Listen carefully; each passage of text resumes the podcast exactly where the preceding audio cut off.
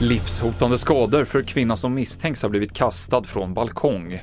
Ny plan ska tas fram för hårt pressad förlossningsvård. Och nya pensionsprotester i Frankrike handlar om i TV4-nyheterna. En man i 30-årsåldern har blivit anhållen efter ett misstänkt mordförsök i Järfälla nordväst om Stockholm.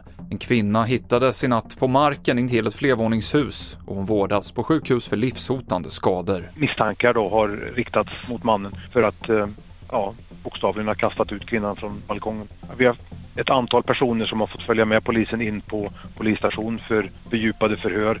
Vi har knackat dörr i trappuppgången. Vi eh, har som sagt då, kriminaltekniker på plats, både på platsen för anträffandet av kvinnan och i lägenheten som är, vi bedömer vara brottsplatsen, där vi ska säkra spår och annan teknisk bevisning. Det sa Ola Österling på polisen. Förlossningsvården är hårt belastad på många håll i landet och alla regioner har brist på barnmorskor. Nu ska Socialstyrelsen ta fram en nationell plan, bland annat för att komma till rätta med regionala skillnader och bristande tillgänglighet, sa flera ministrar på en pressträff idag. Att säga att det ska vara tillgänglig förlossningsvård är en sak, men vi måste också kunna tala om på vilket sätt och hur följer vi upp att det verkligen blir så.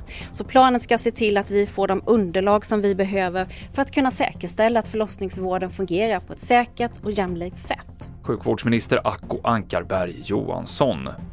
I Frankrike så väntas det nya stora protester idag mot planerna på att höja pensionsåldern från 62 till 64 år. För knappt två veckor sedan deltog över en miljon demonstranter och enligt polisen kan det bli liknande uppslutning idag.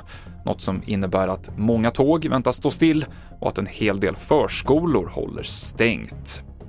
Och det har brunnit på oljeraffinaderiet i Nynäshamn söder om Stockholm, men strax efter klockan 11 så meddelade ägarbolaget att branden är släckt.